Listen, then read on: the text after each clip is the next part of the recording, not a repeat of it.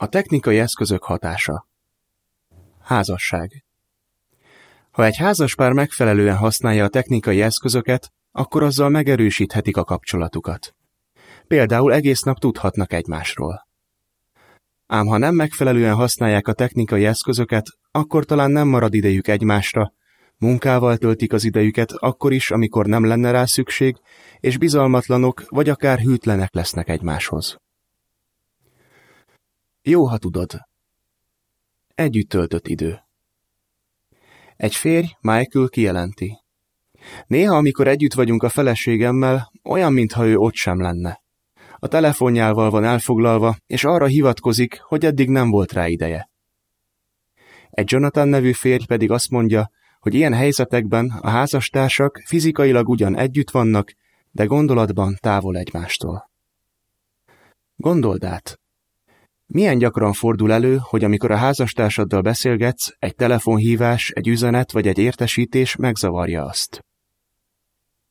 Munka. Néhányaknak a munkája megköveteli, hogy mindig elérhetőek legyenek.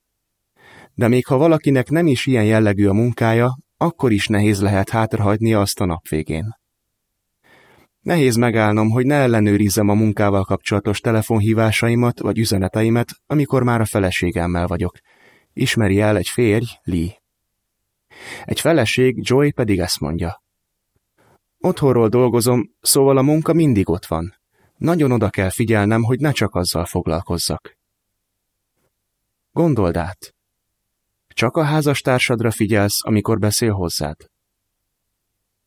Hűség. Egy felmérés szerint sok vita kirobbantója a bizalmatlanság, az, hogy a házastársak nem tudják, miket posztol a másik.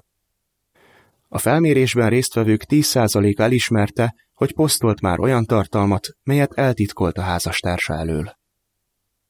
A közösségi médiát jó okkal nevezik a házasság aknamezejének, sőt azt mondják róla, hogy megkönnyíti, hogy valaki házasságtörést kövessen el.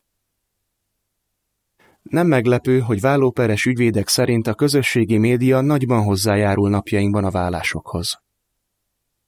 Gondold át. Eltitkolod a házastársad elől, hogy egy más nembelivel tartod a kapcsolatot. Mit tehetsz? Rangsorolj. Ha valaki nem figyel oda az étkezési szokásaira, egészségi gondjai lesznek. Ehhez hasonlóan, ha valaki nem figyel oda arra, hogy elég időt töltsön a házastársával, házassági gondjai lesznek. Bibliai alapelv Győződjetek meg arról, mik a fontosabb dolgok. Filippi 1.10 Beszéljétek meg a házastársaddal, hogy a következők közül melyeket szeretnétek megvalósítani. Legalább egyszer egy nap étkezzetek együtt. Legyenek olyan időszakok a nap folyamán, amikor nem használjátok az okos eszközeiteket. Tervezzetek be egy estét vagy egy alkalmat, amikor valami különlegeset csináltok. Éjszakára kapcsoljátok ki az okos eszközeiteket, és ne legyenek az ágyatok közelében. Naponta 15 percet szánjatok arra, hogy beszélgettek egymással, miközben az okos eszközeitek nincsenek a közelben. Határozzátok meg, hogy egy nap hány óráig használjátok az internetet. Beszéljétek meg. Miután külön-külön átnéztétek a következő kérdéseket, beszéljétek meg együtt a válaszaitokat. Hogyan használhatjátok úgy a technikai eszközöket, hogy közelebb kerüljetek egymáshoz? Mit gondolsz, mennyire gátolnak titeket az okos eszközök abban, hogy minőségi időt töltsetek együtt?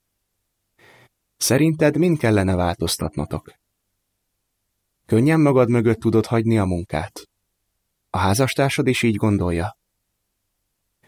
Hogyan lehetnek észszerűek az elvárásaitok azt illetően, hogy mennyi időt és figyelmet szenteljen nektek a házastársatok? Bibliai alapelv Senki se keresse a maga hasznát, hanem a másikét. 1 Korintus 10.24 Otthonról dolgozom, ezért igyekszem egy meghatározott időpontban abba hagyni a munkát. Ugyanígy egy konkrét időpontban kikapcsolom az e-mail értesítőket is. Így a munka nem tereli el a figyelmemet, amikor más dolgokra használom a telefonomat, például megnézem, hogy hány óra van. Jason és a felesége Alexandra. Vége a cikknek.